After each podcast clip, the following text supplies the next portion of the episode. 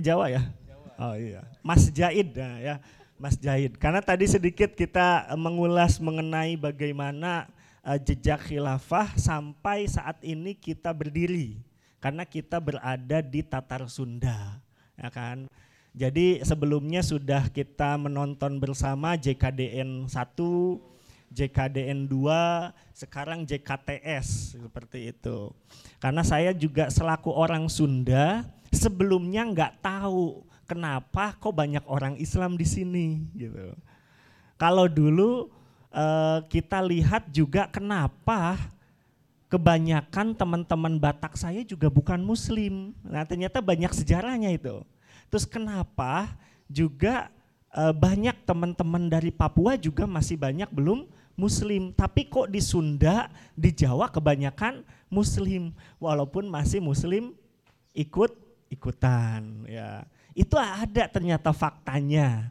Dan kenapa juga uh, istilah yang namanya imaroh, istilah yang namanya khilafah, ya itu bukan menjadi asing sebetulnya sejak dulu, tapi diasingkan bahkan dikaburkan hingga dikuburkan. Nah, itu sebenarnya yang menjadi masalah.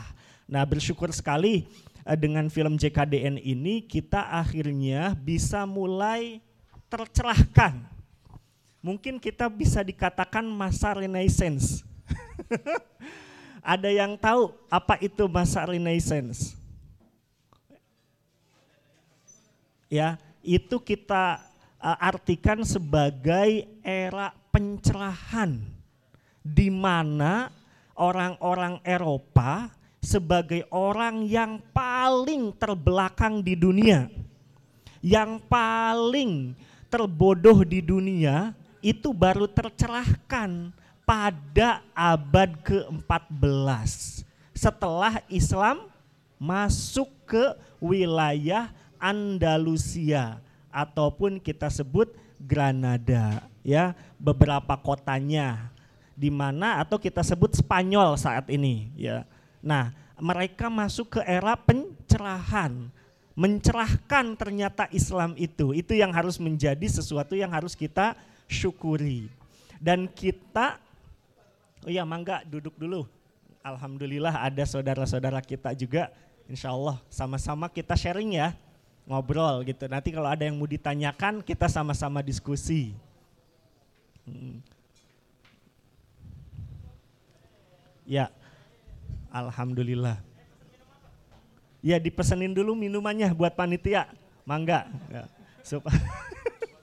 buat panitia, buat peserta oleh panitia ya, silakan. Oke, kita lanjut ya. Jadi kalau kita sudah menonton JKDN 1, JKDN 2, JKTS sebetulnya nggak perlu membahas lagi pentingnya khilafah itu nggak usah dibahas. Jejak khilafah juga nggak usah dibahas, gitu. Yang menjadi pertanyaan, kenapa nggak ada khilafah saat ini? Nah, terus apa yang sudah kita usahakan untuk bisa mengembalikan kekhilafahan lagi? Itu sebetulnya yang harus jadi pertanyaan. Karena ini juga yang menjadi pertanyaan kenapa umat Islam terpuruk. Kenapa umat Islam menjadi umat yang paling miskin gitu loh. Termasuk kenapa umat Islam terma, apa mudah diadu domba. Karena ini ada yang kita sebut politik. Bahasa Arabnya adalah asyasah Nah makanya dalam film ini tidak hanya menceritakan sejarah ya Mas Zaid, tetapi menceritakan di mana peran politik itu sangat uh, signifikan sekali hingga Islam bisa menyebar baik itu di Tatar Sunda maupun di seluruh pulau Jawa ini. Nah ini yang harus kita garis bawahi. Artinya tidak mungkin Islam ini bisa diterima oleh seluruh masyarakat senusantara ya baik itu di wilayah Sumatera walaupun termasuk Kalimantan, Sulawesi tanpa adanya peran politik Islam. Dan politik itu berhubungan dengan kepemimpinan. Kepemimpinan itu berhubungan dengan imaroh. Kalau di dalam Islam kita sebut kekhilafahan. Sebetulnya itu, ya. Nah, kenapa hal ini tidak dikenal? Karena dikaburkan bahkan dikuburkan. Kita mengenal istilah sekarang itu Islam rahmatan lil alamin. Itu banyak dikaburkan maknanya. Sama teman-teman kita yang berafiliasi dengan orang-orang kafir. Islam Nusantara ada nggak sekarang? Ada. Itu juga dikaburkan maknanya, ya hingga sengaja akhirnya nanti bikin mindset Islam Nusantara itu suatu organisasi yang memiliki pemahaman salah. Betul nggak? Faktanya banyak sekali tokoh-tokoh yang mengaku dari Islam Nusantara itu senantiasa membuat statement kontroversi gitu loh. Sehingga konsep istilah Islam Nusantara menjadi ambigu ataupun terkaburkan. Nah ini bagaimana peran politik sendiri salah satunya mengubah opini masyarakat ya di mana masyarakat akhirnya semakin kabur bahkan terkuburkan. Makanya kita uh, bersyukur di zaman ini sudah enggak zaman, sudah enggak level orang mau ngabur ngaburkan. Orang mau kirim hoax juga udah enggak level di zaman ini. Itu strategi konservatif. Kenapa? Karena sekarang kita sudah masuk ke zaman digital. Ini yang bisa jadi bisyarah Rasulullah di mana akan ada suatu zaman dan di zaman itu semua bisa terlihat jelas mana hak dan mana batil. Nah, sekarang kan kelihatan semua begitu. Kalau kita berpikir. Cuman masyarakat sengaja tidak dituntut untuk berpikir. Cuman di zaman milenial ini semua lebih suka berpikir. Ya. Makanya kalau kita melihat saat ini saya waktu tahun 2005 dulu ketika saya pernah ke Taipei, anak-anak muda di sana lebih suka tertulis daripada terucap. Paham tidak? Maksudnya, maksudnya adalah ya kalau di kita uh -uh, malu bertanya sesat di jalan itu tahun 2005. Tahun 2021 coba sekarang. Misalnya Mas Jaid mau pergi ke uh, Jonggol. Nanya-nanya ke setiap orang, Pak Jonggol sebelah mana ya? Jalan ke mana ya? Sekarang banyak bertanya, malu, maluin. Betul nggak? Betul ya. Karena zamannya berubah. Dulu konsepnya masyarakat lebih suka terucap dibanding tertulis, sekarang masyarakat lebih suka tertulis dibanding terucap. Artinya apa? Ya, literasi semakin baik. Nah, yang bikin JKDN tadi itu disebut komunitas literasi Islam. Artinya generasi zaman sekarang, generasi milenium, generasi Y kan ya, eh generasi Z, maaf, generasi Z itu lebih suka dengan tertulis ya, karena memiliki tingkat literasi lebih baik. Sekarang kalau misalnya dengar Islam Nusantara, saya yakin anak-anak muda sekarang apaan tuh? Cek langsung di Wikipedia. Betulan? Iya nggak ada mau nanya ah saya ke bapak saya ke ibu saya. Pak bu tahu nggak Islam Nusantara? Ya udah nggak zaman dan udah nggak level. Ya. nah ini ya bagaimana zaman itu sudah berubah. Hmm. artinya apa? Kita akhirnya semakin jelas sebetulnya tidak aneh kalau ada pejuang-pejuang khilafah di Nusantara Nusantara karena masih banyak keturunan-keturunan yang memang mereka senantiasa memperjuangkan kekhilafahan Islam begitu.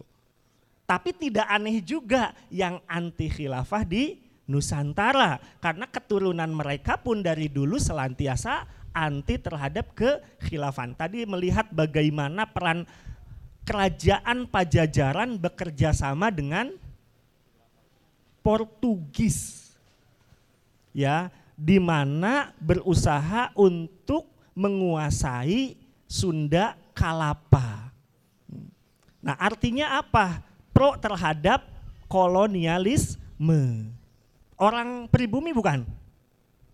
Orang pribumi kira-kira yang menguasai kerajaan Pajajaran saat itu orang pribumi atau orang Portugis, orang Belanda? Ya bukan, orang pribumi. Tapi di sisi lain ada yang kita sebut Kesultanan Cirebon yang mana tidak rela Portugis menguasai Sunda Kalapa. Maka dikirimlah yang tadi Jenderal Fatahillah untuk mengusir Portugis. Kira-kira keturunan Sunan Gunung Jati tadi orang pribumi bukan? Pribumi. Berafiliasi enggak dengan kekhilafan Turki Utsmani? Berafiliasi. Pro terhadap kekhilafan tidak? Pro. Pakuan Pajajaran saat itu pro tidak? Tidak. Lebih pro ke mana? Ke kolonialisme gitu. Artinya apa? Udah menjadi suatu uh, pelajaran bagi kita di masa mana pun, di zaman mana pun Allah akan menguji kita akan di barisan mana kita berada. Apakah berada pada orang-orang yang musyrik pada saat itu adalah kelompok Pakuan Pajajaran yang berafiliasi dengan kolonialisme atau berada di dalam kaum muslimin di mana berperang bersama Kesultanan Cirebon untuk mengusir Portugis. Akhirnya Portugis bisa terusir. Maka kita mengenal jaya kemenangan. Karta kota disebut kota kemenangan. Maka kita mengenal Jakarta begitu.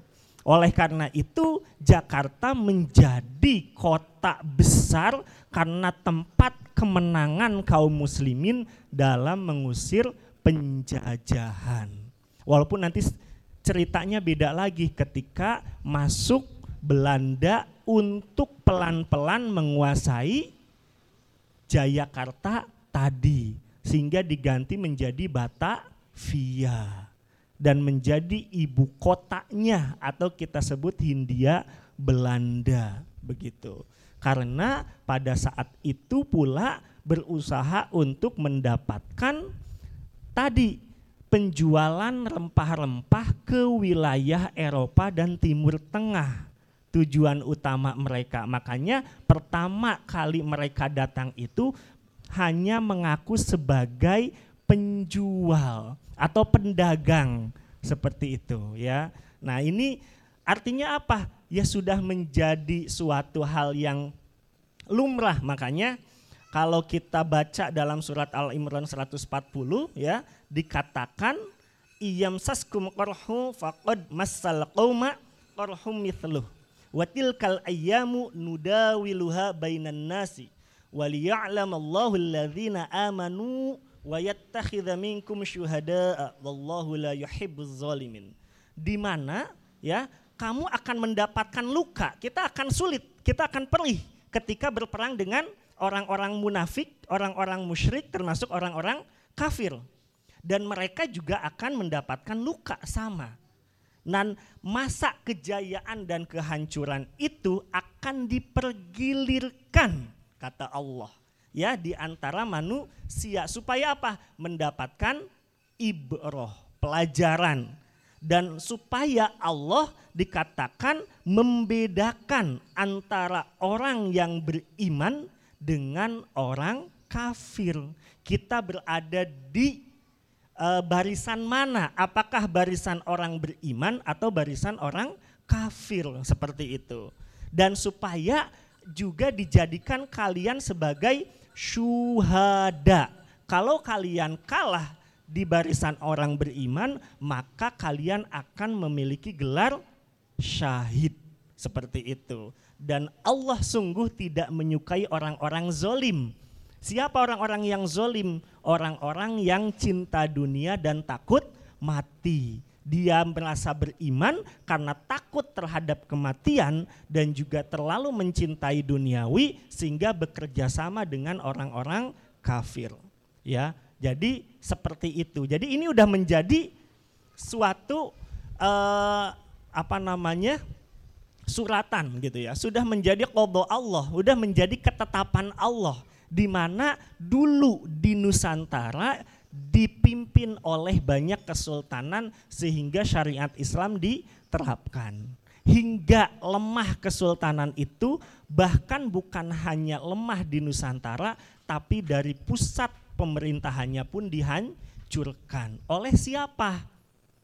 Oleh pihak sekutu, yakni kita mengenal Inggris. Inggrislah yang menghancurkan kekhilafan Turki Utsmaninya di mana dibentuknya Turki muda pada saat itu di Ankara dan dipimpin oleh Mustafa Kemal Atatürk laknatullah di mana hingga menjadikan kepemimpinan di dalam Kesultanan Turki Utsmaniyah dipisah antara kekhilafahan ya juga dengan politik.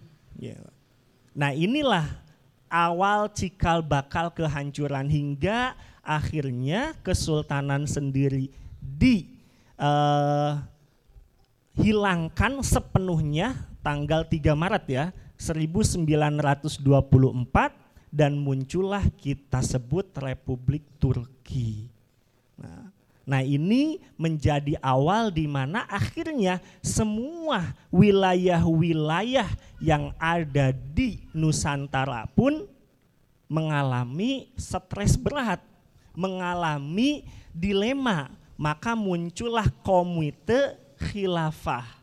Bahkan di dunia internasional ya tahun 1926 diadakan muktamar khilafah di Kairo, Mesir.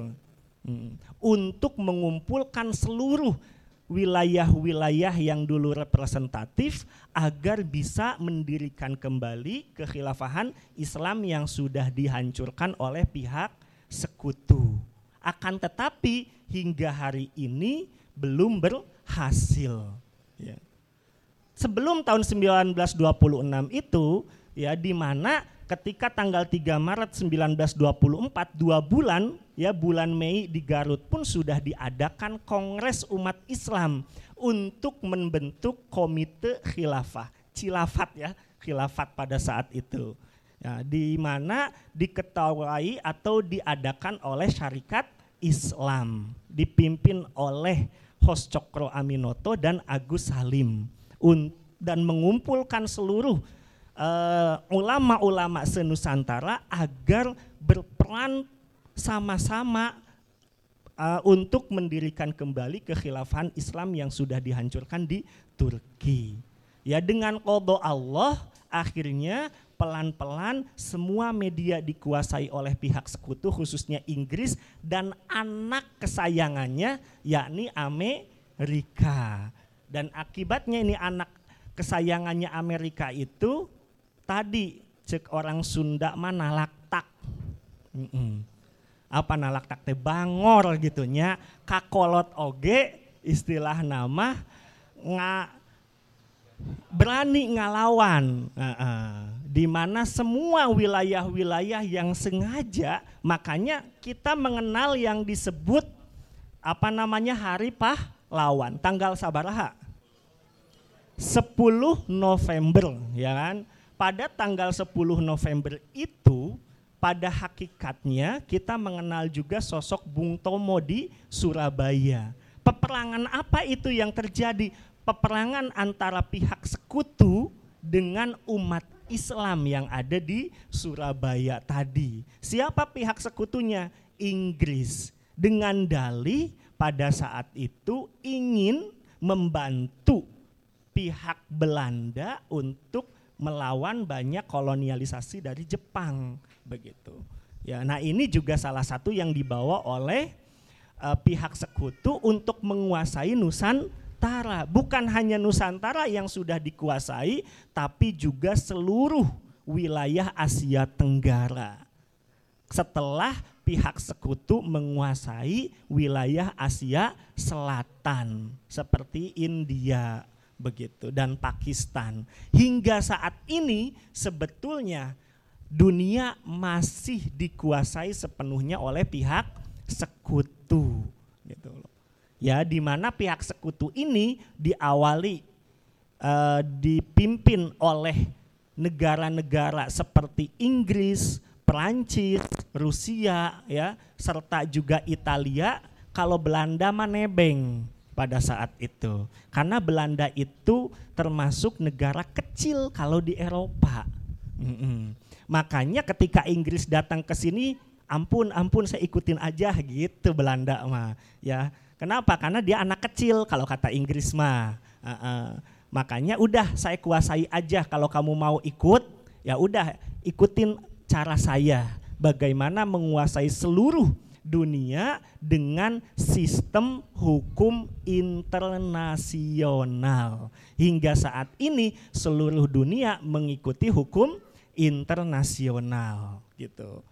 Nah, inilah bagaimana penjajahan sejati di mana orang-orang Inggris belajar dari kekhilafan Turki Utsmani yang sebelumnya orang Inggris itu kita sebut ya European sentris ya, kalau kita lihat di JKDN sebelumnya menjadi global sentris. Bagaimana dia menguasai seluruh dunia dengan mengubah seluruh pola pikirnya gitu loh menggunakan hukum internasional.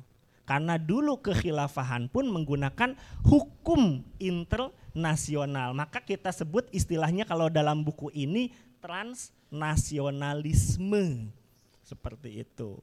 Di mana hukum satu hukum itu diadopsi oleh seluruh wilayah-wilayah yang dikuasai oleh negara utama tadi. Jadi bisa difahami ya. Nah, ternyata anak muda zaman sekarang itu sudah males terikat dengan hukum internasional, pengen bikin hukum sendiri. Itu dari kalangan orang-orang kapitalisme lagi gitu loh. Makanya musuh kita adalah orang-orang yang memiliki hukum kapitalisme. Karena saat ini dunia dipimpin oleh hukum internasional kapitalisme. Nah anak-anaknya itu juga pada bangor, nalaktak. Bikinlah sebuah sistem yang mana tidak terikat dengan hukum internasional. Akhirnya media semua terbuka. Dan kita saat ini juga mendapatkan hikmahnya dengan munculnya internet sebagai terobosan-terobosan baru di mana untuk bisa setiap orang tidak terikat dengan hukum yang ada. Gitu. Maka kita juga mendengar bagaimana visionernya nih anak-anak kapitalisme milenial yang mana nanti akan bikin sebuah dunia baru, tatanan baru yang mana tidak lagi dibatasi oleh batas-batas wilayah negara. Sekarang kan kita mengalami Kira-kira kalau di sini ada yang main Mobile Legend nggak? Kalau main Mobile Legend itu kira-kira ada nggak pemain dari Rusia? Ada nggak pemain dari Jerman? Ya, di sana kira-kira merasa terbatasi nggak dengan oh hanya orang Indonesia saja? Kan tidak. Jadi mau ingin uh, ingin segera untuk bisa tadi tidak lagi ada batasan-batasan wilayah di mana 7 miliar dunia ini harus bisa dikuasai sepenuhnya oleh mereka gitu loh. Nah inilah visioner milenial mereka, tapi bukan dalam dunia nyata, karena dalam dunia nyata hukum internasional ini bukanlah sesuatu yang efektif. Tapi hukum digital akan menjadi sangat efektif. Maka kita, mereka sedang halu itu namanya kalau menurut saya halu, ya. Kenapa disebut halu? Kita ada di sini tapi tidak pernah ada di sini.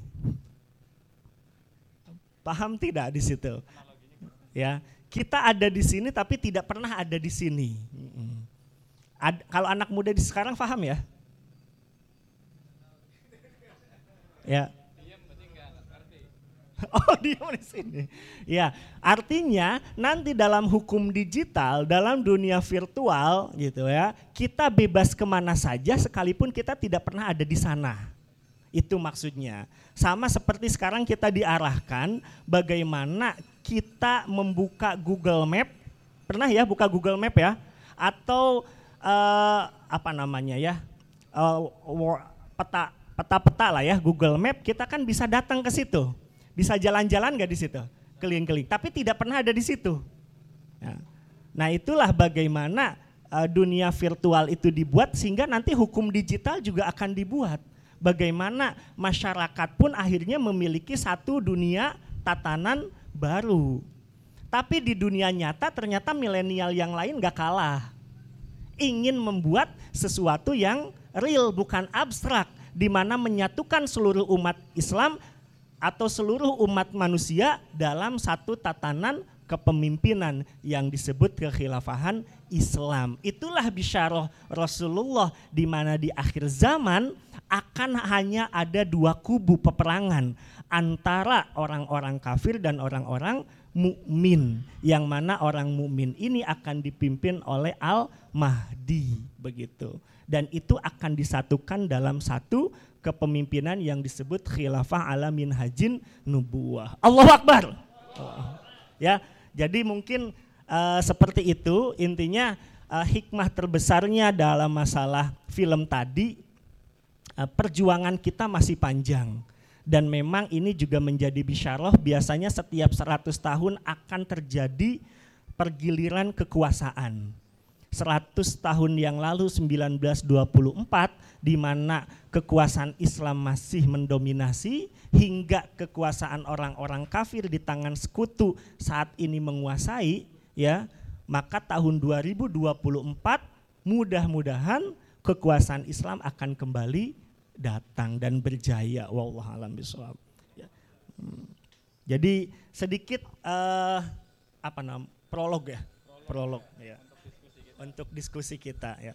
Silahkan Mas Jahid. Baik, uh, sambil teman-teman dipersiapkan pertanyaannya untuk kita diskusikan, saya sudah menyiapkan pertanyaannya. Jadi sempat disinggung ya uh, Kang Iqbal tentang bahwa semua yang tadi dijelaskan adalah suatu politik atau siasah gitu kan. Nah, apa sih yang menjadi suatu pendorong uh, perjuangan kaum muslimin uh, apa karena memang paham transnasionalismenya itu atau memang murni nasionalisme gitu dari perjuangan bumi apa uh, tanah airnya yang dijajah oleh sekutu Belanda, Inggris dan lain sebagainya.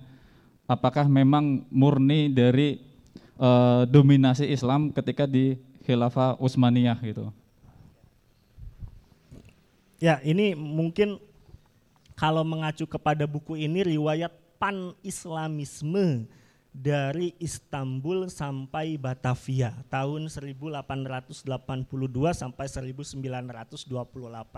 Artinya pada tahun itu memang kemunculan pan-islamisme, nah istilah pan-islamisme itu kita sebut sebagai bahasa Indonesia nih ya, persis, persatuan Islam, etihadul Islamiyah, persatuan Islam begitu, pan-islamisme, di mana keinginan uh, kekhilafan Turki Utsmaniyah untuk menyatukan seluruh umat Islam di dunia agar sama-sama melawan orang-orang kafir seperti itu. Dan ini diinisiasi, diinisiasi saat itu memang uh, setelah Kesultanan Abdul Hamid II melakukan revolusi besar-besaran. Kenapa? Karena memang pada sekitar 1850-an Turki itu mengalami perubahan kebijakan dengan melakukan reformasi untuk mengadopsi beberapa hukum seperti hukum internasional yang diberlakukan di Eropa. Nah, tetapi itu akhirnya menjadikan terpecah belah umat Islam di beberapa wilayah. Maka pada uh, kepemimpinan Sultan Abdul Hamid II tadi muncullah sebuah kebijakan untuk menyatukan kembali umat Islam ya nah di situlah salah satunya berusaha juga untuk menyelamatkan umat Islam yang sudah dijajah oleh beberapa negara eh, kafir ya baik itu penjajah Belanda termasuk juga penjajah Inggris. Oleh karena itu, kalau kita melihat bagaimana gerakan istilah-istilah ini harus dipahami dulu. Tadi mengenal istilah transnasional, ya. Terus juga mengenal istilah nasional. Ya. Maka ketika kita sebut uh, upaya untuk apa namanya faham bagaimana umat itu memiliki satu jiwa seluruh dunia disebut pemahaman transnasionalisme. Seringkali begitu. Tapi ketika orang tersebut itu hanya fokus terhadap satu wilayah saja, maka muncullah nasionalisme. Itu dulu harus di uh, garis bawahi karena istilah itu juga kalau kita tidak paham malah bisa jadi kabur. Kalau sudah kabur menjadi bahaya. Itu juga Makanya bagaimana eh, apa untuk perlawanan penjajah saat itu dalam buku ini disebutkan beberapa ulama termasuk juga tokoh-tokoh yang ada di Indonesia itu sudah apa namanya lelah, jengah gitu ya terhadap kolonialisme yang dilakukan Belanda karena mereka sangat zolim dan melakukan kesewenang-wenangan. Dari yang sudah kita tonton juga beberapa kali mereka juga sempat mengirimkan di JKDN 2 itu bantuan ke kekhilafan Turki Utsmaniyah. Akan tetapi itu menjadi kendala. Ada sabotase juga surat yang dilakukan oleh Snokhokranjnya itu ya uh, dari pihak Belanda agar surat itu tidak sampai. Padahal pada saat itu Turki Utsmaniyah sudah memiliki konsulat di Batavia. Upayanya untuk memediasi umat Islam di Indonesia di mana menyemangati seluruh umat Islam Indonesia itu agar memiliki persatuan Islam. Nah, ini juga menjadi kendala di mana akses informasi itu hese cek orang sekarang mah. Mungkin ingat aksi 212 cuman satu apa dua hari itu bisa mengumpulkan berapa juta itu? 7 juta gitu. Artinya apa? Revolusi akses informasi ini. Jika Allah berkehendak ya, ada satu negara yang sudah memproklamirkan seorang khalifah mungkin cuman butuh satu hari atau dua hari seluruh umat Islam di dunia membaiat itu. Kalau zaman dulu ya untuk ngirim surat waktu itu Kesultanan Aceh ber, mengirim surat ke Batavia itu sampai kesasar muter-muter gitu ya di laut enam bulan sampai nyampe ke Batavia itu wah udah capek ini ini mau ngasih surat gitu ya ke wilayah konsulat Turki Utsmaniyah di sana. Jadi itu pun banyak sabotasenya. Makanya ini juga menjadi bisyarah Rasulullah. Ketika Islam begitu mudah menyebar, film JKDN ini hanya dalam jangka waktu beberapa hari ini sudah ditonton bisa jadi, jadi jutaan umat Islam di Indonesia. Bahkan banyak diapresiasi oleh umat Islam di Malaysia termasuk juga di Filipina dan juga di Thailand. Kenapa? Karena mereka bagian daripada umat Islam Nusantara begitu.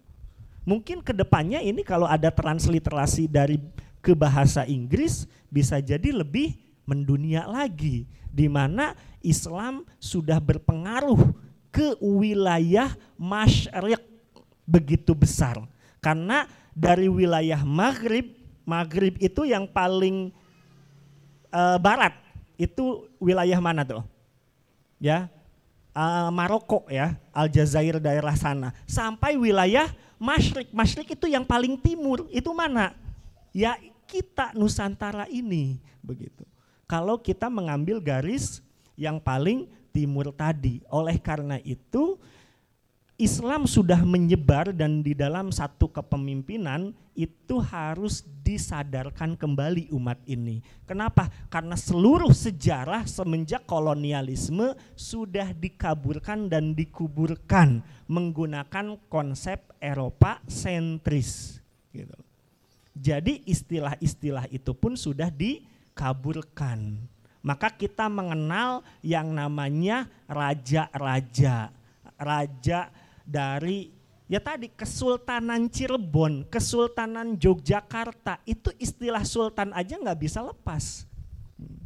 Bahkan salah satu peninggalan Turki Utsmaniyah itu adalah yang kita pakai sekarang di Indonesia di pemerintahan. Setiap uh, pemerintah itu wajib menggunakan peci. Nah ini kan peci ya. Hmm jadi peci ini adalah warisan dari Turki Utsmaniyah yang diadopsi oleh masyarakat Nusantara sebagai identitas umat Islam. Dan ini juga adalah identitas Turki Utsmaniyah. Apa ini? Kalau kita di sini mengenal warkop. Apa teh warkop? Warung kopi. Enggak ada yang namanya warbir warung bir nggak ada. Ya. Kenapa? Karena warung kopi itu adalah salah satu peninggalan Turki Utsmaniyah di mana ini menjadikan bahan politik seluruh dunia ya sampai ya tadi Paus apa namanya Clementus VIII mengharamkan seluruh orang Eropa bikin warung kopi gitu loh. Kenapa? Karena pada saat kekhilafan Turki Utsmaniyah itu malah dianjurkan punya warung kopi. Kenapa? Buat dakwah. Jadi budaya ngopi identik dengan budaya Islam. Biar melek. betul, betul sekali begitu loh. Makanya kenapa budaya ngopi ini sampai dibid'ahkan pada tahun 1600-an di Eropa karena identik dengan budaya Islam. Gitu. Ini kan menjadi salah satu maka ketika saya melihat uh, perkembangan era digital ini warung kopi makin banyak berarti budaya Islam bakalan makin banyak lagi nih dikenal masyarakat kan gitu kan Allah akbar ya. Ya. ternyata dakwah kita juga di warung kopi kan bukan warung bir kan iya Iya. Jadi uh, milenial kita lawan lagi dengan milenial. Maka kafe-kafe itu sekarang mulai uh, booming kembali begitu. Karena itu adalah budaya daripada kekhilafan Turki Utsmaniyah dan itu merupakan sesuatu yang terbiasa di kalangan para ulama untuk ngopi bareng gitu loh. Ya, makanya uh, ini juga hal-hal yang kadang kita tidak pahami gitu. Di mana banyak sekali jejak-jejak yang saat ini kita sebagai identitas muslim ini menjadi sesuatu yang harusnya kita bangga. Tetapi karena sudah dikaburkan dan dikuburkan sejarah tersebut, banyak generasi-generasi kita yang tidak tahu. Seperti ziarah, ya. Kan banyak sekali ziarah ke beberapa padepokan kalau zaman dulu mah. Artinya mengunjungi untuk mengetahui bagaimana perjuangan umat Islam lewat Wali Songo tersebut dalam berusaha menyebarkan Islam di tanah Jawa tadi. Dan ini memang sesuatu yang menjadi kebiasaan kita dalam mem, me, belajar tentang uh, perjuangan-perjuangan Eh, pejuang-pejuang leluhur kita seperti itu ya. Wallahu alam bisawab. Jadi oleh karena itu bagaimana perjuangan orang-orang Islam dalam melawan kolonialisme kenapa akhirnya dijadikan sebagai uh, perjuangan nasionalisme bukan berarti tidak ada peran kekhilafan Turki Utsmaniyah, tetapi karena memang pada saat itu perannya dibatasi. Karena tidak bisa mendapatkan banyak bantuan dari Turki Utsmaniyah, akhirnya gerakan-gerakan dari pribumi berusaha untuk melakukan perjuangan tadi atas dasar uh, perjuangan jihad visabilillah dalam konteks regional, bukan dalam konteks internasional, transnasional tadi. Seperti Pangeran Diponegoro, kita mengenal begitu. Perjuangan jihad visabilillah sebetulnya untuk bisa melawan para penjajah. Akan tetapi di situlah ya di mana perjuangan tanpa jamaah ya akan mengalami kesulitan kalau kita berjuang untuk bisa menyebarkan Islam hanya dalam konteks satu jamaah kecil, itu pasti kalah. Maka harus kita itu berjuang untuk menerapkan syariat itu dalam jamaah seluruh umat Islam. Kita tidak ada beda antara umat Islam di Jerman, umat Islam di Cina, umat Islam di Arab Saudi, umat Islam di Mesir, kita sama-sama umat Islam dan kita harusnya menggaungkan persatuan seluruh umat Islam di dunia untuk memiliki satu kepemimpinan agar bisa melawan orang kafir. Kalau hanya dalam konteks regional saja, bagaimana kita bisa membantu saudara kita di Palestina?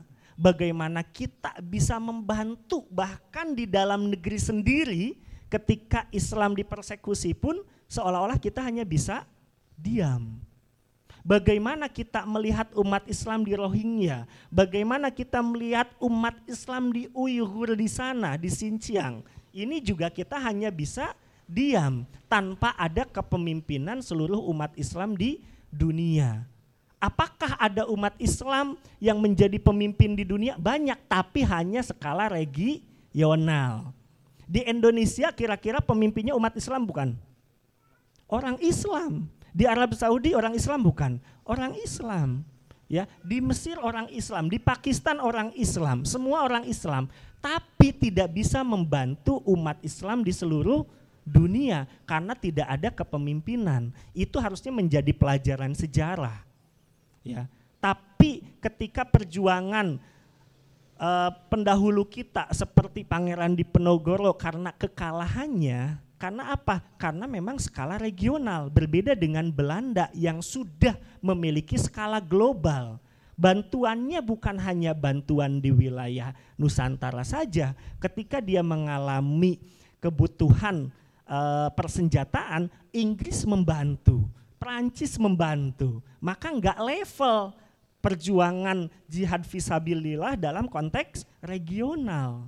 Maka yang harus dilakukan adalah konteks global begitu. Dan inilah yang harus kita uh, sadarkan umat di mana perjuangan umat Islam itu tidak bisa dilakukan hanya dalam satu organisasi ataupun dalam konteks regional saja, tapi harus seluruh umat Islam sama-sama memiliki kesatuan visi dulu, yakni li istinafil hayatil Islamiyah, melanjutkan kehidupan Islam sehingga punya upaya untuk menerapkan syariat Islam bukan hanya umat Islam di Indonesia, tapi seluruh umat Islam di dunia.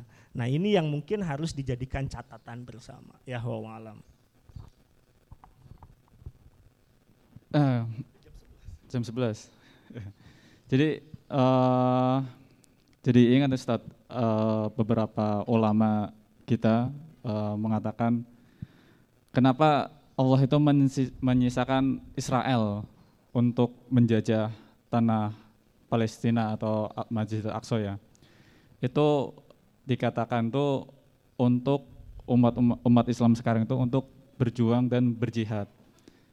Jadi relate gitu. Sekarang kita nggak bisa berjuang atau membantu saudara kita di Palestina, di Suriah, di Rohingya atau di belahan dunia mana pun yang saat ini terjajah karena memang kita tidak punya uh, pemimpin yang secara global mengurusi umat Islam. Nah, apakah perjuangan untuk menuju uh, kepemimpinan yang global itu menjadi suatu urgensitas sekarang kita untuk umat Islam untuk kembali bersatu di naungan uh, kepemimpinan global tersebut? Atau kita cukup uh, di Indonesia saja gitu? Karena memang ada juga orang-orang uh, yang mengatakan udahlah nggak usah jauh-jauh. Tetangga kita mungkin juga masih kesusahan perlu dibantu juga atau cukup, cukup yang deket-deket saja nggak usah mikirin di luar sana yang nan jauh nggak tahu kita secara ketemu aja enggak gitu. Itu seperti apa Ustaz? Ya. Pertama harus identifikasi dulu musuh kita tuh siapa. Ya kan? Ternyata musuh seluruh umat manusia ini bukan hanya kita sebagai umat Islam ya. Musuh seluruh umat Islam eh, musuh seluruh umat manusia itu adalah orang-orang yang sudah memperlakukan hukum internasional tadi. Ya. Artinya bukan lagi lingkup regional tapi lingkup global itu atau kita sebut ya tadi internasional, nah, transnasional. Jadi trans itu uh, berpindah-pindah dalam satu wilayah ke wilayah sehingga semua saling berikatan gitu. Nah, jadi internasional itu pun kurang lebih sama memiliki jaringan yang antar nasional nasional tadi. Makanya itu berlaku secara hukum global dan musuh kita itu adalah mereka. Mengapa terjadi penggundulan hutan? Mengapa terjadi moneter di banyak negara? Mengapa terjadinya pandemi? Mengapa terjadinya krisis ekonomi global? Itu adalah karena mereka. Dan mereka melakukan kezoliman yang nyata begitu. Maka karena musuh kita itu adalah internasional, maka kita juga harus memiliki konsep kepemimpinan internasional gitu. Saat ini Indonesia pun tidak bisa terlepas dengan hukum-hukum internasional yang dibuat oleh orang-orang Eropa. Sepinter apa pun, sehebat apa pun yang saat ini mencoba untuk nah, tidak mengikuti hukum internasional, tahu negara apa? Cina. Tetap mereka tidak tidak level antara regional melawan global. Paham kan di sini?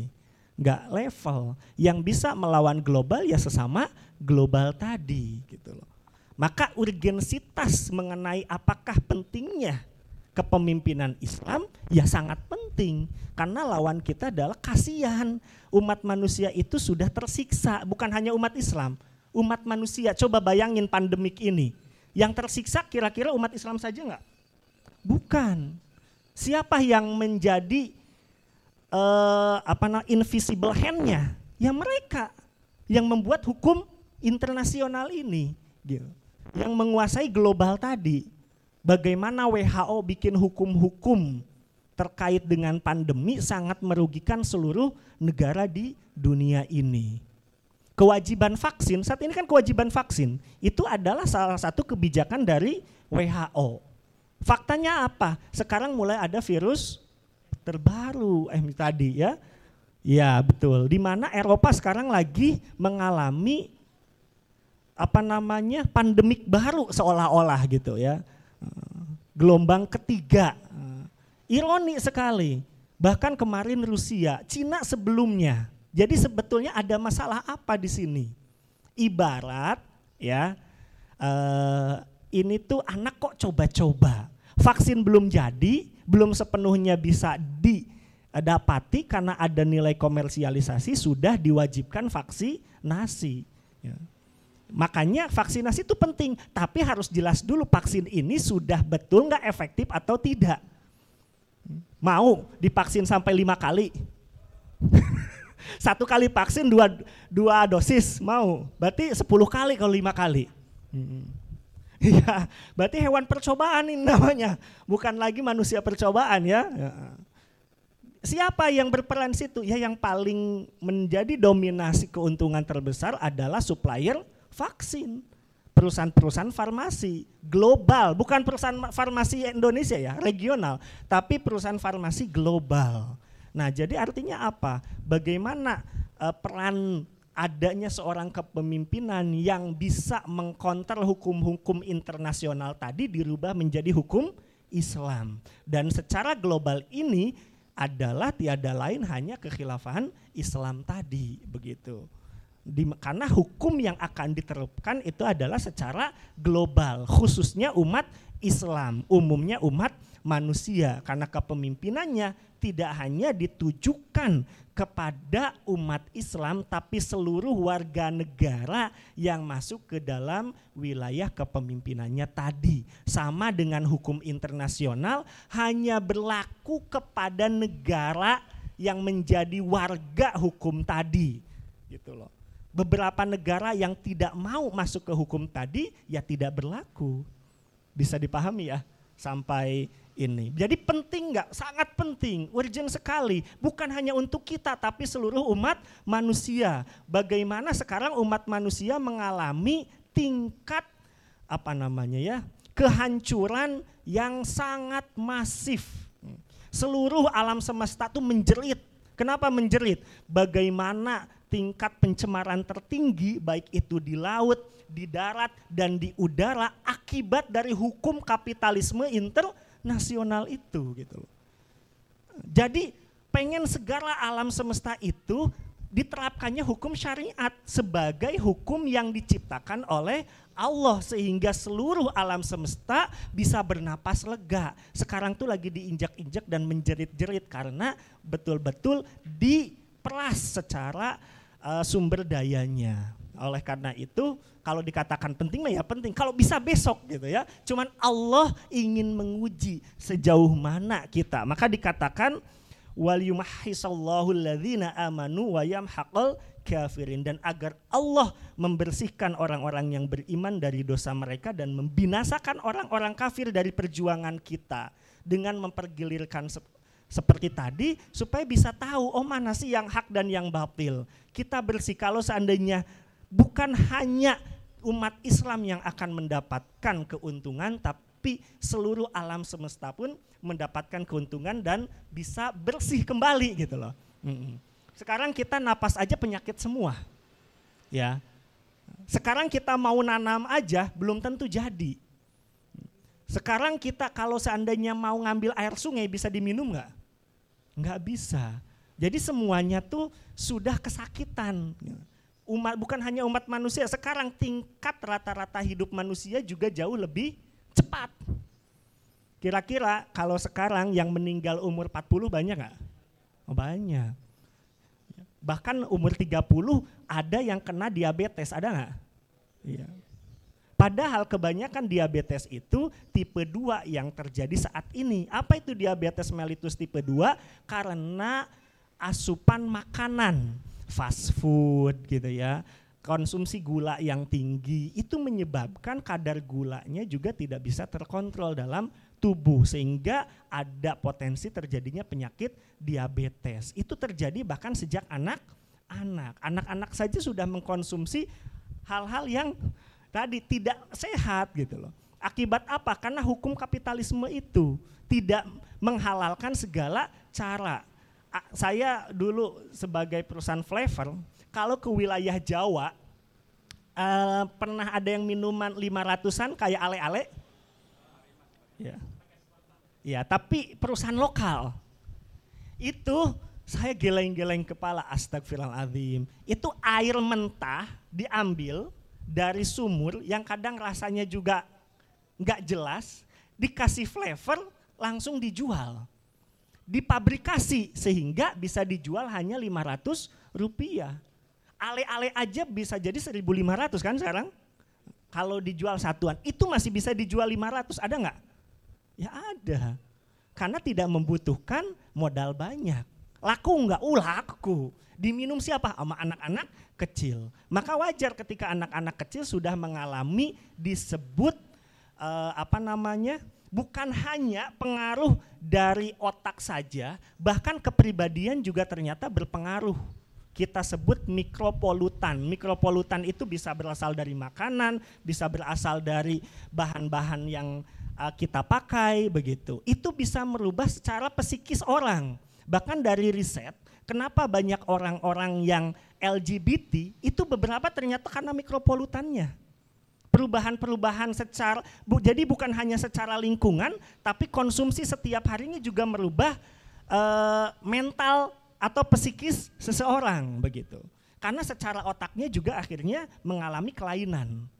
Nah, ini kan menjadi sesuatu yang ironis. Bagaimana generasi mendatang sekarang kita ada yang namanya game uh, mobile, ya kan? Dan game ini pun merusak seluruh otak yang dimiliki oleh anak-anak. Karena apa? Karena hukum kapitalisme yang memperbolehkan setiap orang bermain game dan tanpa batasan waktu. Ada nggak batasan waktu kalau lagi main game?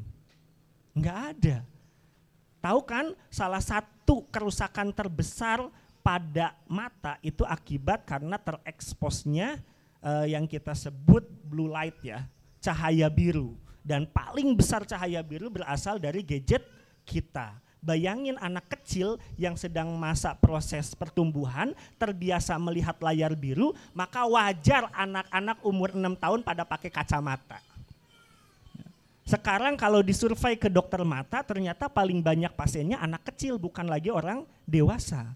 Kenapa? Karena terjadi kerusakan mata yang permanen. Kan kasihan masih kecil sudah terjadi kerusakan mata yang permanen. Semua sakit. Karena apa? Kebijakan hukum kapitalisme global yang tidak mengatur dan memperhatikan baik itu keselamatan umat manusia, termasuk juga generasi berikutnya. Maka wajar akhirnya akan mengalami loss generation, kehilangan generasi di masa yang akan datang. Nah, yang hanya bisa survive adalah generasi-generasi yang sudah tercerahkan, yang sudah sadar. Jadi tinggal menunggu waktu siapa pemenang dan siapa yang menjadi uh, siapa yang winner dan siapa yang loser gitu. Ya. Kalau dalam kehidupan ya seperti itu. Adalah orang-orang yang bisa memahami semua agenda yang terselubung yakni agenda global tadi begitu. Dan tadi siapa yang bisa menolong kita ya hanya Allah Subhanahu wa taala. Kita tidak mungkin bisa memahami wala yuhituna bisyai'in min ilmihi illa bima sya. Ya, kita tidak akan memahami banyak ilmu kecuali memang atas kehendak Allah.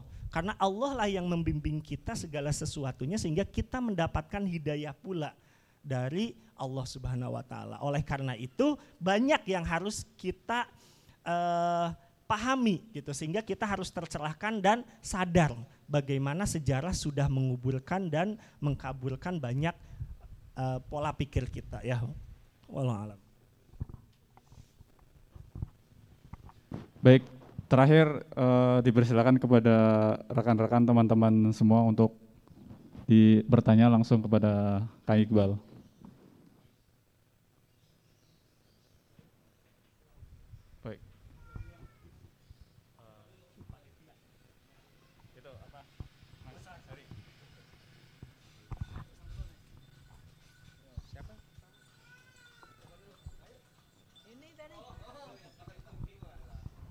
Oke, assalamualaikum warahmatullahi wabarakatuh. Nama saya Muhammad Hafiz Regar. Saya ingin bertanya ya, kadang saya berpikir juga, kita sangat bangga kadang menceritakan pahlawan-pahlawan Islam, pejuang-pejuang Islam yang rela mati, rela mempertahankan agama dengan kalimat la ilaha illallah Muhammadur Rasulullah kan. Mereka rela mati, tapi kita kadang takut kepada ya seperti corona, seperti hal-hal lain. Kita juga bangga dan senang menceritakan kehebatan-kehebatan ulama kita terdahulu yang mencapaikan kebenaran rela dipenjara, menyampaikan kebenaran rela dibunuh. Tapi kita kadang takut dengan hal-hal sesuatu. Ini kan kadang sesuatu hal yang bodoh juga ya, kadang saya berpikir seperti itu. Nah, saya ingin bertanya bagaimana cara mencetak generasi-generasi pemuda yang memang benar-benar pemberani, yang bukan mental kerupuk, mental tahu gitu. Memang benar-benar memperjuangkan Islam karena saya sudah percaya dengan wadah ini. Wadah yang didirikan oleh Syekh Taqiyuddin An-Nabadahani pada tahun 1953. Nah, saya berpendapat seperti itu. Bagaimana cara mencetak pemuda-pemuda yang pemberani yang tidak takut kepada apa pun kecuali kepada hukum Allah untuk menegakkan syariat Allah. Subhanallah. Itu saja dari saya. Sekian. Assalamualaikum warahmatullahi wabarakatuh. Assalamualaikum warahmatullahi wabarakatuh. Ustadz, pertanyaan saya, uh, setelah negara misalkan yang kita cita-citakan itu pada akhirnya terwujud ya, karena kan nantinya memang akan terwujud sesuai dengan janji Rasulullah. Kemudian uh, setelah itu seperti apa keadaan dunia nih? Apakah nanti terislamkan semua dengan adanya pengaturan dari satu yang sudah dibaiat itu? Kemudian dulu juga di Mekah kan khilafah tegak tapi Abu Jahal dan Abu Lahab pun hadir ada di situ kan jalan. Jadi nanti pertanyaannya eh, bagaimana kondisi dunia pada saat sesuatu yang kita cita-citakan selama ini itu tegak dan berapa lama lagi nanti kira-kira umur dunia nih. Nah, itu. ya, gitu aja. Assalamualaikum warahmatullahi wabarakatuh.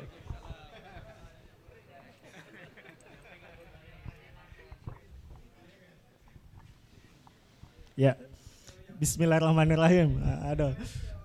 Ustadz akhir zaman saya jadinya Masya Allah ini cenayang nanti jadinya. iya.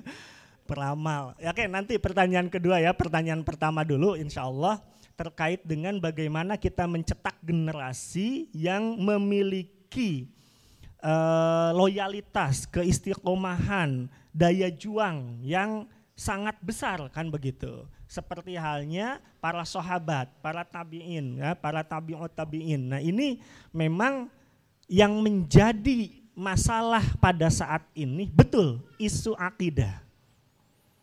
Di mana masalah akidah ini pun masih menjadi uh, sebuah masalah global di mana umat Islam mengalami krisis akidah akliyah.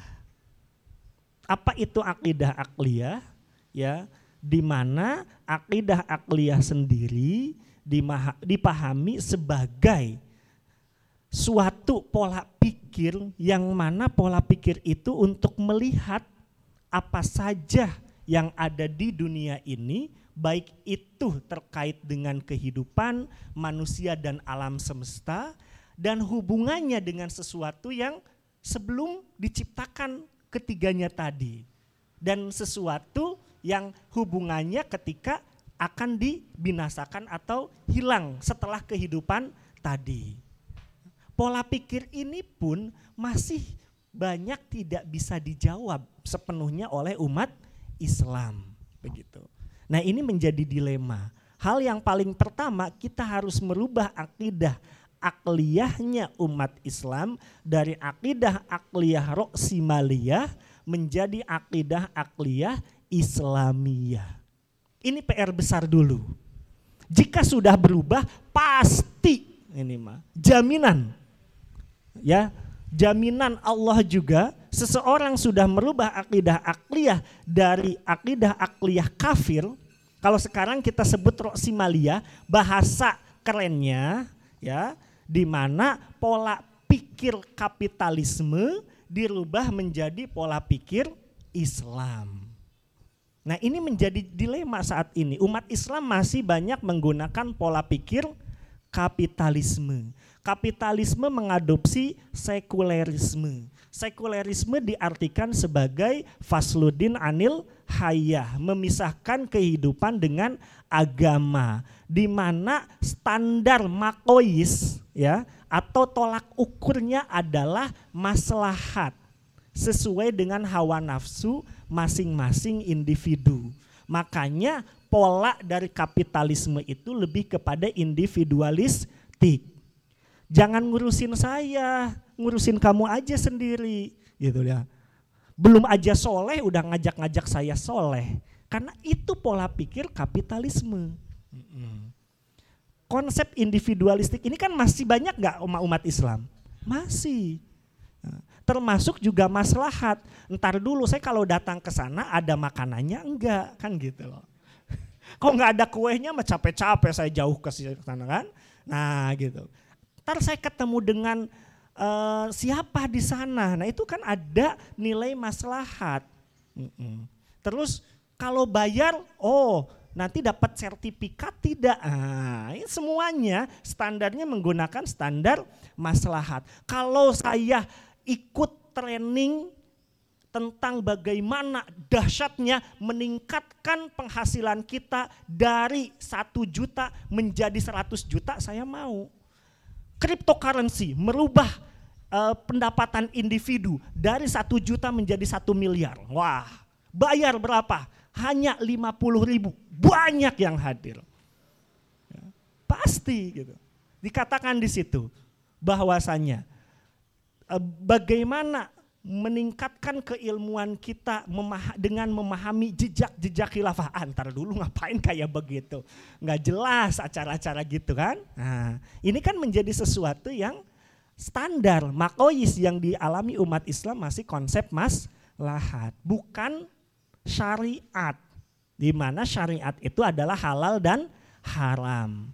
Minum kopi ini ya nggak pernah pikirin halal atau haram saya yakin umat di sini, maksudnya banyak orang-orang kita di saudara kita itu nggak pernah mikir kalau kita makan ini halal atau haram. Makanya pas nanti ada temen diajak tuh dia jalan-jalan ke Shanghai. Karena dari dulu nggak mikir ya minum-minum aja. Minum kopi, ah tenang kopi mah nggak bakalan jelas halal haramnya pastilah udah halal. Nah itu kan nggak jelas. Padahal beda kopinya di Shanghai dengan kopinya di Indonesia. Kopi di sana itu menggunakan zat-zat yang memang diharamkan. Salah satunya ekstraknya juga menggunakan ekstrak alkohol. Alkohol itu homer masuk kategorinya dan itu diharamkan. Kepikiran nggak? Nggak kepikiran. Yang penting minum kopi. Yang penting enak kan gitu. Ya, apalagi kopinya sambil makan snack. Snacknya di sana nggak juga pikiran. Katanya sampai yang ironisnya apa? Ada tokoh yang katanya anak pemimpin. Aduh, aku rindu banget makan seperti itu waktu di Singapura, walaupun tahu itu haram kan. Ada gitu, ada nggak? Ada faktanya. Ada masalah, ada masalah dalam akidah akliyah tadi yang akidah akliyah roksimaliyah tadi belum berubah menjadi akidah akliyah Islamiyah tadi. Di mana hidup ini kalau sebagai seorang muslim harusnya tujuannya adalah untuk beribadah. Sedangkan orang-orang kafir yang mengadopsi kapitalisme, hidup ini adalah untuk menikmati seluruh yang ada tanpa difikirkan apakah itu halal ataukah haram. Maka mereka memiliki konsep give to God what belongs to God and give to Caesar what belongs to Caesar. Itulah konsep sekulerisme. Berikan haknya untuk Tuhan, berikan haknya buat penguasa. Maka akhirnya berikan haknya kalau buat saya ya saya. Kok Tuhan ya Tuhan beda lagi. Sholat mah sholat, makan babi mah makan babi. Ada yang begitu, ada yang sekarang menjadi youtuber juga kayak seolah-olah nggak peduli, yang betul kan? Dan itu seolah-olah juga menjadikan sesuatu tren kalau murtad itu biasa aja. Nah kan ironis nih saat ini. Nah kesimpulannya bagaimana untuk menjadikan dan mencetak generasi itu harus dirubah dulu akidah akliyahnya. Dari Roksimaliyah menjadi Islamiyah. Nah, setelah merubah pola pikirnya, maka akan terubah pula nafsiyahnya dengan cara bagaimana ya tadi belajar menuntut ilmu istilahnya ngaji sambil ngopi. Ya boleh lah. Ya, begitu ya intinya mengaji ya, supaya bisa memahami apa hukum. Karena kalau sudah akidah akliyahnya itu berubah jadi Islam standarnya tadi apa? Halal dan haram. Bagaimana kita mau tahu mana halal dan haram kalau kita tidak belajar Gimana pengen tahu kalau kohwah ini tuh halal gitu. Kalau kita juga tidak tahu di dalamnya itu ada proses-proses yang bisa jadi diharamkan. Bagaimana kita tahu? Nah standarnya gimana dong? Dalam Islam sendiri makanan yang diberi oleh sesama muslim itu itu diberikan jaminan halal sekalipun kita tidak mempertanyakan kehalal dan keharamannya. Lah kalau di Shanghai yang ngasihnya orang Islam apa bukan? Bukan. Nah kalau tahu ilmunya kan wajar nanya, ini halal atau haram? Yang ngasihnya juga bukan orang Islam, orang musyrik di sana. Nah, kenapa? Karena kita sudah memiliki akidah akliyah Islamiyah menggunakan standar atau makoyis halal dan haram. Beda dengan maslahat, yang penting enak. Kira-kira di Shanghai masih minum kopi nggak? Masih. Karena dia yang penting enak. Kan di iklan juga gitu yang penting enak kan gitu. Bukan yang penting halal kan beda. Ya. Sama enggak sekarang pacaran? Yang penting enak. Bener kan? Bukan yang penting halal gitu loh. Makanya pacaran setelah nikah itu bagi orang muslim yang penting halal. Tapi kalau yang belum nikah yang penting enak. Sama siapa aja yang penting enak. Nah, jadi itu maslahat dan mudarat ya. Jadi di, itu dulu yang menjadi pokok. Walaupun nanti ada torikoh, ada metode-metodenya. Salah satunya dengan mengadakan kajian tadi seperti ini. Termasuk juga menerapkan hukum syariat Islam dalam kepemimpinan khilafah Islamiyah ya. Jadi wa'ala alam Itu dulu eh, karena pembahasan kalau berikut cara-caranya agak panjang. nah, Terus yang kedua adalah masalah cenayang ini ya. Mempro, memprediksi sampai bertanya sampai kapan umur umat Islam gitu kan? Iya itu. Iya. Pertama jawabannya wallahu alam. Itu dulu. ya, ya. Yang pasti tugas kita itu adalah uh, saat ini apa yang sudah kita lakukan untuk mempersiapkan hukum Islam itu diterapkan. Jadi bagaimana nanti ketika hukum Islam sudah diterapkan, bagaimana kondisi di dunia nanti? Ya Allah alam bisawab. Hanya Allah sendiri sudah menjamin idza jaa nasrullahi wal fat. Ya. Di situ dikatakan katakanlah Muhammad ya.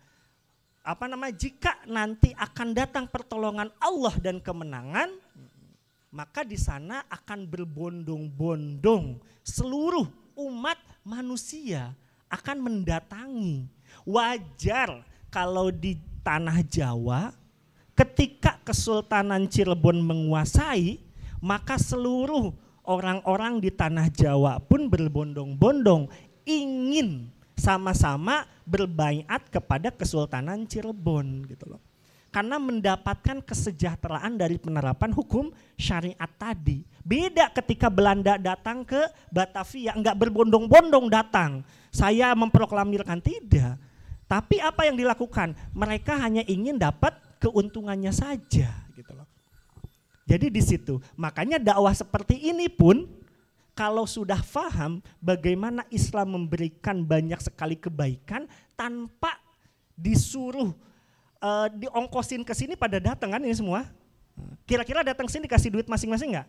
Enggak, semua pasti datang. Berbondong-bondong semuanya datang gitu loh itu dalam lingkup hanya lokal, apalagi global kan seperti itu.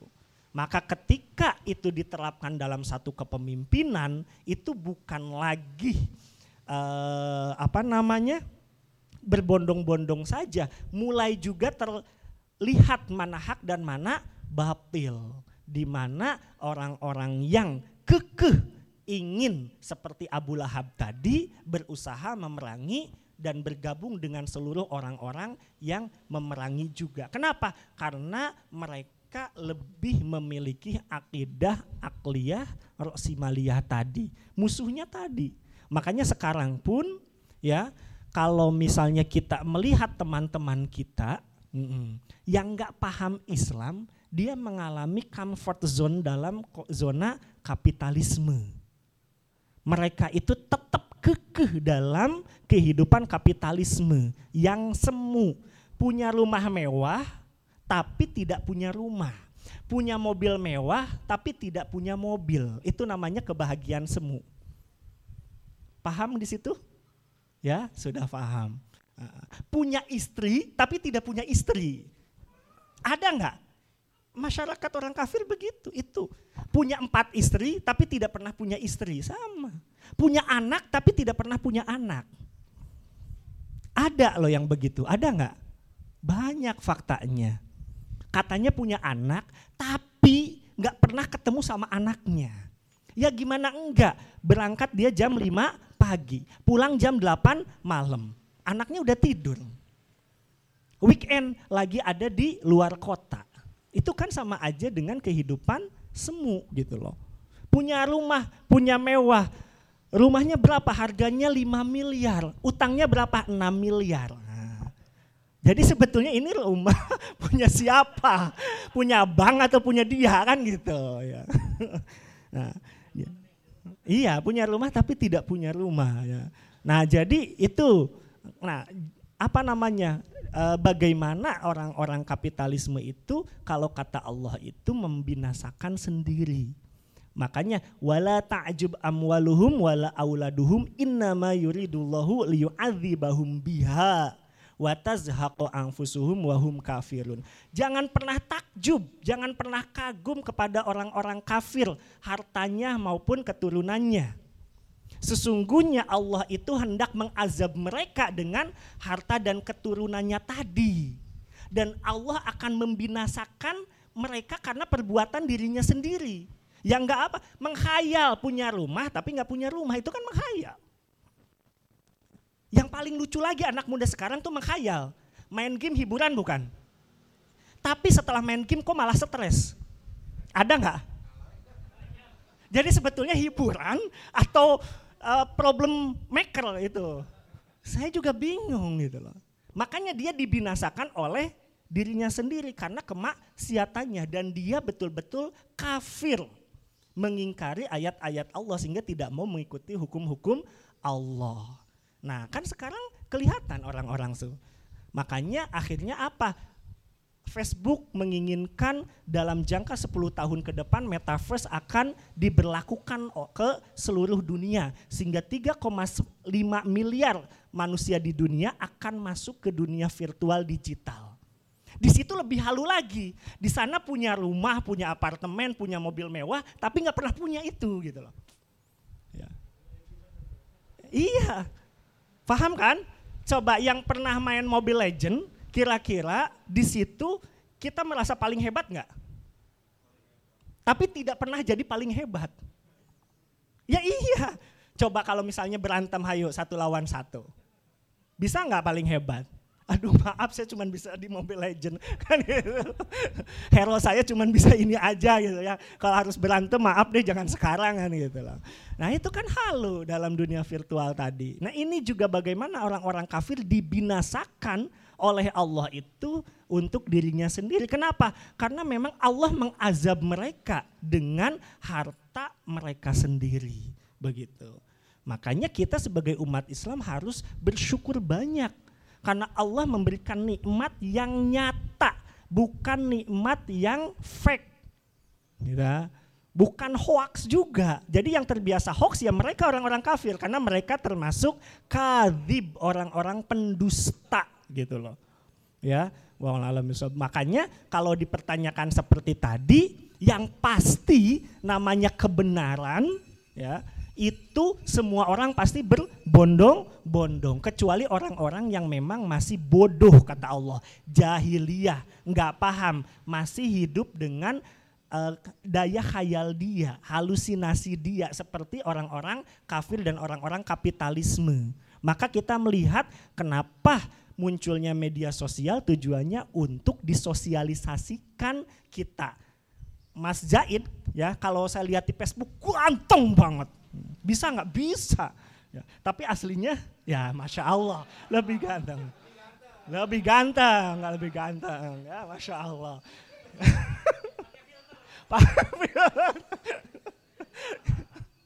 ya jadi begitu. Apalagi kalau di dunia virtual itu kita bisa aja tuh ada mobil misal Lamborghini foto. Wah kaya banget nih Mas Jaid nanti kan. Iya aslinya hmm, begitulah ya Masya Allah. Jadi di situ bagaimana kehidupan orang-orang kafir itu sebetulnya yang halusinasi sampai memfitnah kita dikatakan berusaha untuk mendirikan daulah khilafah sebagai utopia. Apa itu utopia? Khayalan Anda. Padahal mereka yang selalu berkhayal. Karena ini udah menjadi sesuatu yang nyata di depan mata. Kita bergerak Bukannya di media sosial saja kita bergerak, tapi di dunia nyata kita senantiasa terus bergerak, belajar dan terus juga menggalang jamaah untuk sama-sama bekerja sama dalam mendirikan kepemimpinan ini gitu ya. Wallahu Allahu akbar.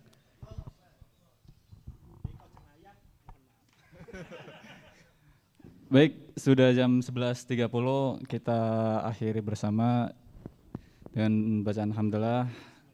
Alhamdulillahirabbil subhanallah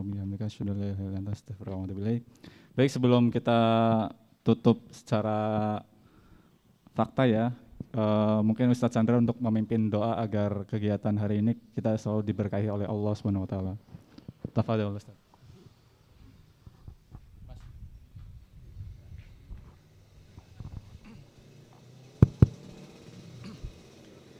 Baik, Bismillahirrahmanirrahim. Assalamualaikum warahmatullahi wabarakatuh. uh, baiklah, ya kita di akhir acara ini ya, sama-sama kita berdoa memohon kepada Allah SWT mudah-mudahan uh, langkah kaki kita ya dari rumah masing-masing hingga berada di sini ya senantiasa mendapatkan keberkahan dari Allah SWT ya dan tentunya apa yang kita kaji yang kita harapkan semuanya ya mendapatkan barokah ilmunya Ya amin ya rabbal alamin. Ala hadiniyah wa ala kulli niyatin salihah bi barakatil al-Fatihah. A'udzu billahi minasyaitonir rajim. Bismillahirrahmanirrahim. Alhamdulillahi rabbil alamin. Arrahmanir rahim. Maliki yaumiddin. Iyyaka na'budu wa iyyaka nasta'in. Ihdinas siratal mustaqim. صراط الذين أنعمت عليهم غير المغضوب عليهم ولا الضالين أستغفر الله العظيم أستغفر الله العظيم أستغفر الله العظيم اللهم صل وسلم على سيدنا حبيبنا وشافعينا ومولانا محمد وتباركت ربنا وتعاليت عن ساداتنا أصحاب رسول الله أجمعين. أعوذ بالله من الشيطان الرجيم. بسم الله الرحمن الرحيم. الحمد لله رب العالمين. حمد الشاكرين حمد ناعمين حمد يعفن ويكافئ مزيده. يا ربنا ولك الحمد ولك الشكر كما ينبغي الكريم وعظيم سلطانك. اللهم صل على سيدنا محمد وعلى آل سيدنا محمد. اللهم اغفر لنا ذنوبنا ولوالدينا ولمشايخنا ولمعلمينا ولمن حق علينا ولمن أحب وأحسن إلينا ولكافة المسلمين أجمعين. اللهم اغفر للمؤمنين والمؤمنات والمسلمين والمسلمات الأحياء منهم والأموات إنك على كل شيء قدير. اللهم أرنا الحق حقا وارزقنا اتباعه وأرنا الباطل باطلا وارزقنا اجتنابه. اللهم أعنا على ذكرك وشكرك وحسن عبادتك. اللهم ربنا هب لنا من أزواجنا وذريتنا قرة أعين واجعلنا للمتقين إماما. رب اجعلنا مقيم الصلاة ومن ذريتنا ربنا وتقبل دعاء. اللهم اجعلنا واجعل أولادنا وأهلنا من أهل العلم وأهل الخير وأهل الخير وأهل الخير. ولا تجعلنا وإياه من أهل الشر والدار إنك على كل شيء قدير. اللهم ارحم أمة سيدنا محمد. اللهم ارحم أمة سيدنا محمد. اللهم ارحم أمة سيدنا محمد. الذين يقيمون الصلاة ويؤتون الزكاة ويصومون صوم رمضان ويحج البيت الحرام وتجاهدون في سبيل الله لاستئناف الحياة الإسلامية. اللهم إنا نسألك دولة خلافة راشدة على منهاج النبوة وتعز بها الإسلام وأهله وتذل بها الكفر وأهله. إنك على كل شيء قدير. ربنا اغفر لنا ولإخواننا الذين سبقونا بالإيمان. ولا تجعل في قلوبنا غلا للذين آمنوا. ربنا إنك رؤوف رحيم. ربنا تقبل دعاءنا. إنك أنت السميع العليم. وتب علينا. إنك أنت التواب الرحيم. ربنا آتنا في الدنيا حسنة وفي الآخرة حسنة وقنا عذاب النار. وقنا عذاب النار وقنا عذاب النار وادخلنا الجنة مع الأبرار يا عزيز يا غفار يا رب العالمين. وصلى الله على سيدنا محمد نبي الأمي وعلى آله وصحبه وسلم. سبحان ربك رب العزة عما يصفون. والسلام على المرسلين والحمد لله رب العالمين. السلام عليكم ورحمة الله وبركاته. Baik, kita di sesi akhir biasa kami dari tim penggembira giveaway pemuda cinta Islam. Eh, sebelum mau bagikan giveaway, ini kayaknya ada yang kurang nih, yel-yel. Bener. Monggo yang punya kamera segera dibidik yel-yelnya. Seperti biasa kalau saya ngomong ngopi di sini, Alhamdulillah jadi apal. Siap ya? Oke ya, siap ya. Ngopi di sini. Itu itu yang Luar harus biasa. menjadi sesuatu yang harus kita Baik ya, Syukuri. seperti biasa nih teman-teman, kami bagikan gadget tapi terbatas hanya untuk dua orang yang pemenang ya. di perdagangan laut sini ya. semoga itu itu gadget awal-awal yang